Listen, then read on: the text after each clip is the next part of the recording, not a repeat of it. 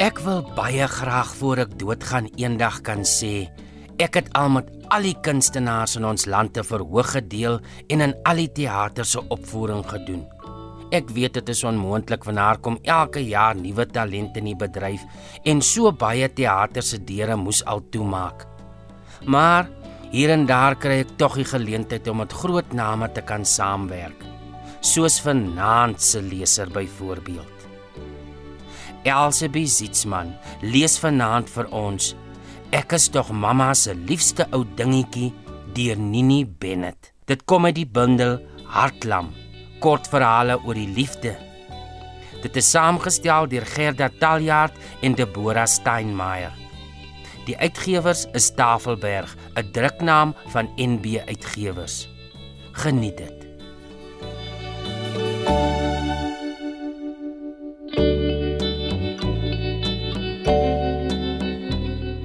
Ma is 'n gebreekte winterboom. My ma is die verknoeide takelwerk van 'n sambreel. In hierdie dae van my suster se katarsis leer ons die vele gesigte van die liefde ken. Ek vou my arm stywer om ma. Haar gebeente is broos van die osteoporose. Dit gaan alles oukei okay wees, lieg ek.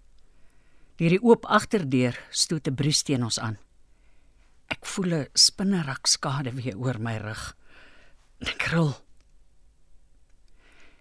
Dink jy sussie gaan antwoord? Vra ma vir die soveelste maal. Soms vat dit 'n bietjie langer, mami. Dalk is dit 'n vertraagde sein. Ek kyk op na die kombuisplafon, my oë wyd gesper. 'n Volwasse vrou huil nie voor haar ma nie. Dan draai ek haar skouers na my toe kyk hoe die lig versplinter in haar klam oë. Ek wieg haar stadig, asof sy my kind is, die kind wat ek nooit gehad het nie. Die gedoente met my jonger suster Mariette en haar nuwe kerel hou nou al vir maande aan. Op 36 het sy uit die bloute bedank as professor in sosiologie en besluit om saam met Boela Potgieter 'n kroeg te begin. Meer spesifiek, 'n onklee kroeg. Sy het Boela tydens die een of ander selfmotiveringswerksessie ontmoet. Dadelik aangetrokke gevoel tot die sakeman met sy aardse charme, wat nie huiwer om 'n ding op sy naam te noem nie. So anders as haar vorige akademikus kerels wat sy as pendanties ervaar het. Ek kuier reeds 3 weke lank by ma in Pretoria nadat sy my gebel het oor 'n nare voorgevoel wat sy gehad het. Eers het ek probeer om haar oor die telefoon gerus te stel dat Mariette se bedankinge 'n tydelike eksentrieke fase is of dat sy bloot oornag 'n neus vir besigheid ontwikkel het. Die feit dat Mariette al haar pensioengeld in die kroeg belê het, het ek verswyg. My ma, wat allergies is vir rekenaars of omtrent enige vorm van tegnologie, het my gevra om op Boela se Facebook-muur te gaan spioneer. En aangesien hy 'n oop Facebook-rekening het, was dit nie eens moeilik nie.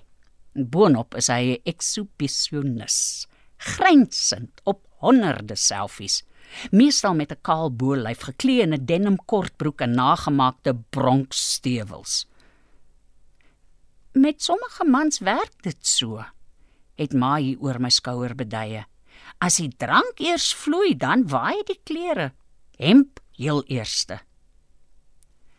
Daar was ook foto's van sy nuwe boot waarop Mariette in suurletters geverf is.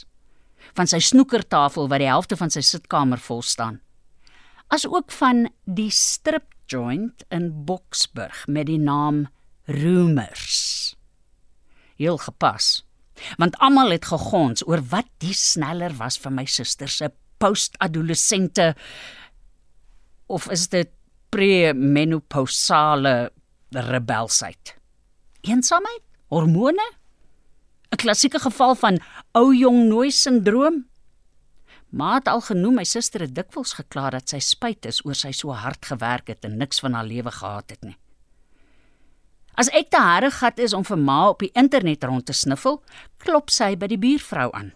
Dan gaan die twee oues in op Boela se profiel en word dan met 'n vergrootglas vir verdere krakies in sy karakter gesoek. Die grootste skok was 'n videogreep van Mariet in Roomers waar sy onherkenbaar in 'n tiervel mini en Stetson karaoke sing. Please release me, let me go. Terwyl sy bysiende van die alkohol tas na haar leë whiskyglas op die kroegtoonbank. Op die agtergrond is skraps geklede prikkelpoppe wat in blinker broekies met skinkborde verbytrippel. En dan druk Boela sy gesig voor die videokamera in. Op sy haarspan pryk 'n haarklossie, 'n verlate eiland bo kan sy onstuimige gelaatstrekke. Hy trek 'n suur gesig soos Joe Cocker. En daarna sing hy en Mariet 'n duet, Up Where We Belong. Daar's ook 'n paar reekse kikkies van pretaande by Roomers. Fotos van klante in al die verskillende fases van dronkenskap. Die heel laastes is slegs kantelende smeerbeelde van halfkaal meisies lagende mans skootdanse alles deur 'n laag sigaretrook. Onder Boela se belangstellings wat op Facebook gelys word, is Bybelverse, erotika, drankadvertensies en verregse sentiment en vuurwapens. Daar's ook 'n plasing wat daarmee spog dat hy in die 1990s die berugte stut vir die Germiston Simmers was. Sy albums lewer bewyse van verskeie Ponzi skemas wat hy in die verlede bedryf het. Na 'n verdere soektog na Boela Potgieter, oftewel Johannes Kasparus Potgieter, het ek afgekom op nog 'n besigheid wat hy in 2013 bedryf het, 'n beslote korporasie waarin 'n voormalige balju en regskenner wenke gee oor skuld en batebeslaglegging. Toe ek die prokureur se naam in die soekenjin invoer, ontdek ek dat hy jare gelede al van die rol geskraap is. Nou gee ek ma se benerige hand 'n bemoedigende drukkie en gaan skakel die ketel aan. In die eetkamer begin Goliat, ons African Grey, gesels. Hallo, hallo, hallo. Ek is tog mamma se liefste ou dingetjie. Drink hier, mami, sê ek sag en gee haar koppie tee vir haar aan. Ek streel oor haar eilblonde hare wat tot op die kopvel oopval. Ek kyk hoe die follikels nerf trek, soos 'n speldekussing. Maar raak rustig en neem klein slukkies uit die Royal Albert koppie. Ek gaan kyk na al die geraamde foto's in die gang. Ons kinders in vervlietende lewensfases. Swart en wit foto's, dowwe kleurfoto's, gevolg deur nuus met hoë resolusie. Ek dink aan die kiekies wat ma altyd in die silwer medaljon om haar nek dra. Soveel gesigte verskuil in die matrys van tyd. Die mees onlangse foto daarin is van Mariet met haar hare wit blond gebleik en 'n tatoe van 'n skerpioen onder haar linkeroor. Rooi lippe en guitig lag sy vir die kamera. Ek maak kan steeds nie Mariet se metamorfose klein kry nie. 'n Vaal larwe wat uit haar benouende kokon gebreek en oornag verander het in 'n blink vlerk mot. Maar 'n kind kom nooit los van 'n ma se gebede nie. So glo ma. Asof sy my gedagtes kan lees, roep sy my en vra die keer dringender: "Dink jy sy gaan antwoord? Is die SMS ooit deur?" "Dalk het sy nie nou ontvangs nie," antwoord ek. Ek sien, sê sy aarzelend.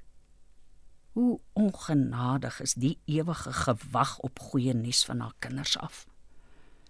Om haar aandag af te trek, vertel ek haar van Nikola Tesla wat reeds in 1926 voorspel het dat alle tegnologie eendag met satelliete verbind sal wees, dat ons op skerms met mekaar sal kommunikeer en dat die hele wêreld soos een groot Big Brother sal word.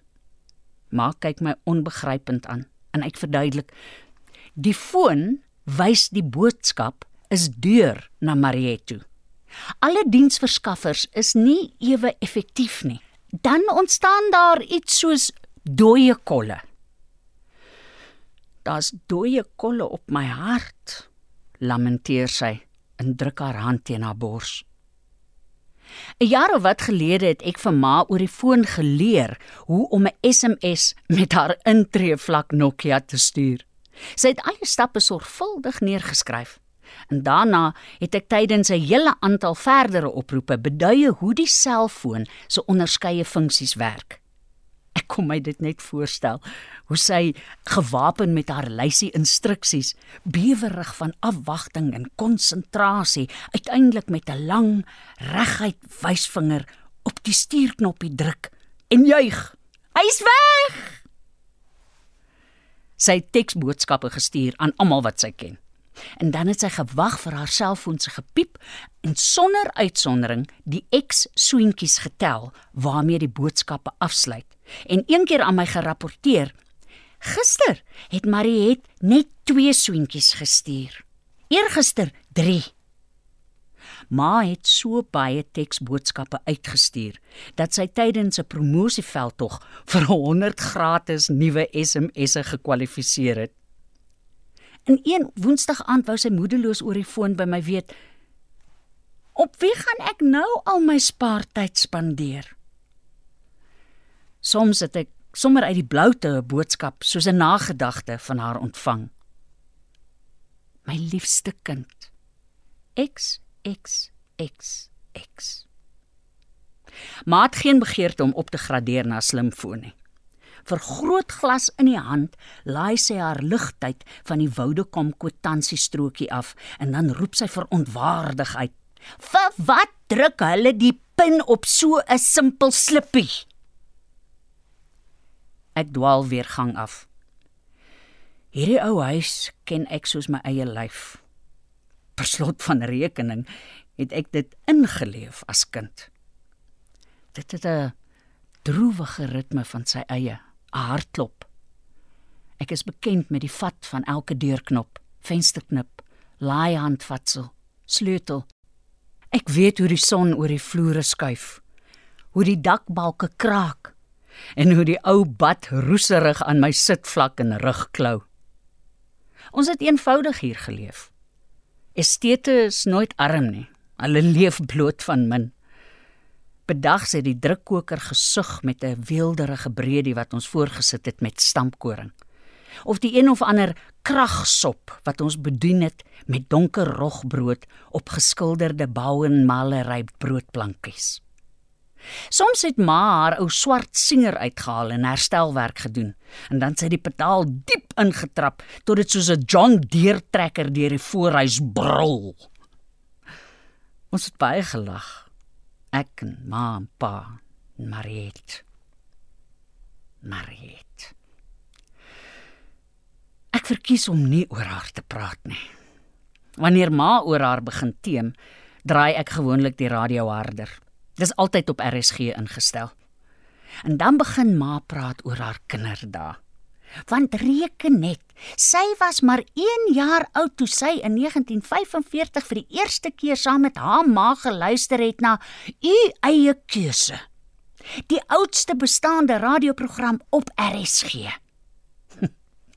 My ouma weer het glo geen geheim daarvan gemaak dat sy elke aand vir die karakters van die radiodrama die deploys van soetmelksvlei bid nie. Radiostories is immers vir eensames wat smag na 'n ander realiteit. Dit behoort aan die onsigbares wat op die rand van 'n bed vooroor sit of iewers by 'n kombuistafel sit en luister. Almal gaan dood. Maar wat bly is die eter, prewel ma. Kom ons maak van alles fiksie, mami, sê ek impulsief. In fiksie is daar altyd hoop. Daar's vraagtekens in haar grys oë. Toe piep haar selfoon. Sy het geantwoord, roep sy dankbaar en reik na haar bril op die teetafel. Vanuit die voorkamer begin Goliat onbedaarlik lag. Ek loer om die vertoonkas na hom. Met sy een poot hang hy aan die dak van sy hok en dan verskuif hy sy gewig en gryp Petralie met sy snavel vas. Sy eie onderste bo balanseer dans. Lief. Ek is tog mammie se liefste ou dingetjie. Toe pof hy sy vere, gaan sit op sy swaai en bekyk ons vanuit die hoogte. Maas bleek. Sy laat sak affoon. Jou suster kom terug, sê sy toonloos. Boela is vanoggend tydens 'n bankroof doodgeskiet. Ek slaan my hand oor my mond. Het een van die bankrowers hom doodgeskiet? Nee, antwoord sy, haar oë starend. Hy was die rower. Die polisie het hom geskiet. Dis glo oral op die nuus. Ek sak in 'n stoel neer. Goliat sit doodstil op sy swaai. Hy draai sy kop na ons, soos 'n guru, en betrag ons met kalm grys oë. Ma staan swaar op. Haar skouers krink. Ontnugtering rem eerste aan die skouers. Sy sê hulle het finansiële probleme gehad met roemers. Die goue era van die ontklee butiek is lank reeds verby. Seksbedryf in Suid-Afrika lyk nou anders. Ek swyg. En dan neem 'n bo-natuurlike krag van ma besit. Ek moet die huis regkry vir my kind. Sy loop na die gangkas waar sy 'n nuwe stel beddegoed uithaal en gaan maak die maagterlike enkelbed in Mariette se ou slaapkamer op.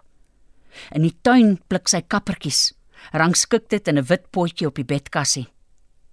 Ek slaan alles gade van 'n afstand, asof ek bloot die toeskouer is van 'n makabere toneelstuk. Maar niks kon my voorberei op my suster se koms nie. Laatmiddag draai haar nuwe Subaru met die weglê vlerk by ons hek in. Ek bly in die sitkamer op die Victoriaanse bank sit, luister afgetrokke na die geklap van 'n motordeur, die kattebak en haar en ma se gedempte stemme. "Hallo?" sê my suster in die sitkamer deur, haar swart tas agter haar. Hallo. Hallo. Sê Goliat. "Hallo Mariet," groet ek en dwing myself om haar nie openlik aan te staar nie. Onder haar rooi blousie stoei twee enorme borste, heeltemal buite verhouding met haar kort bolyf. Sy buig om die tas op te tel. Haar hipster denim sak af ontbloot die glansrosie op haar deurtrekker.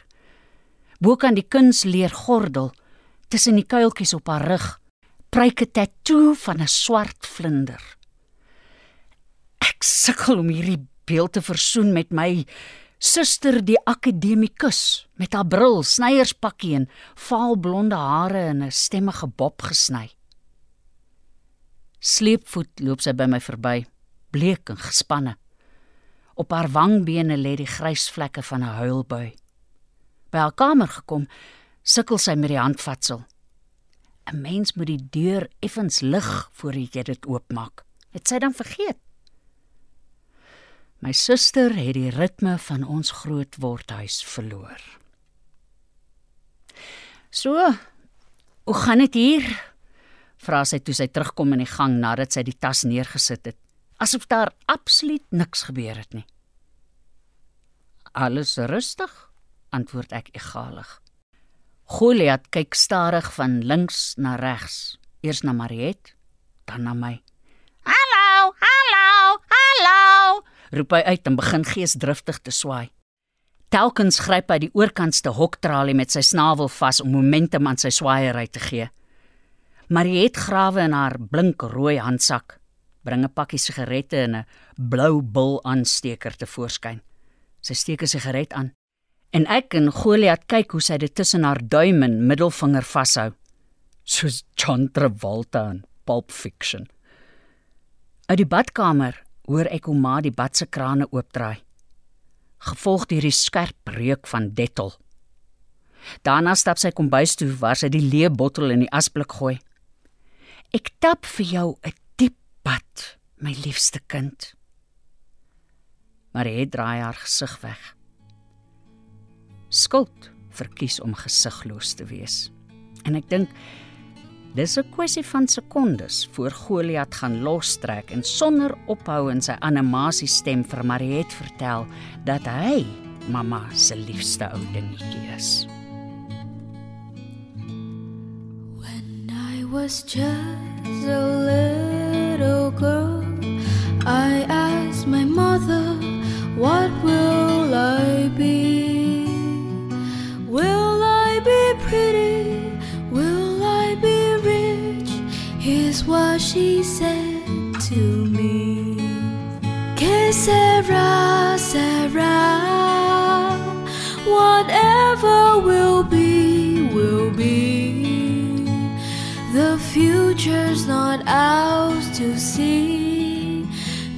Sera, sera, what will be, will be. Dit was vanaand se kortom. Elsabie Zietsman was die leser. Dankie Elsabie. Die storie se naam is Ek is tog mamma se liefste ou dingetjie deur Nini Bennett. Ek glo jy dit net so baie soos ek geniet. Ek, Johnny Klein, groet jou tot 'n volgende keer. Mooi bly en pas jou op. Sera, whatever will be, will be.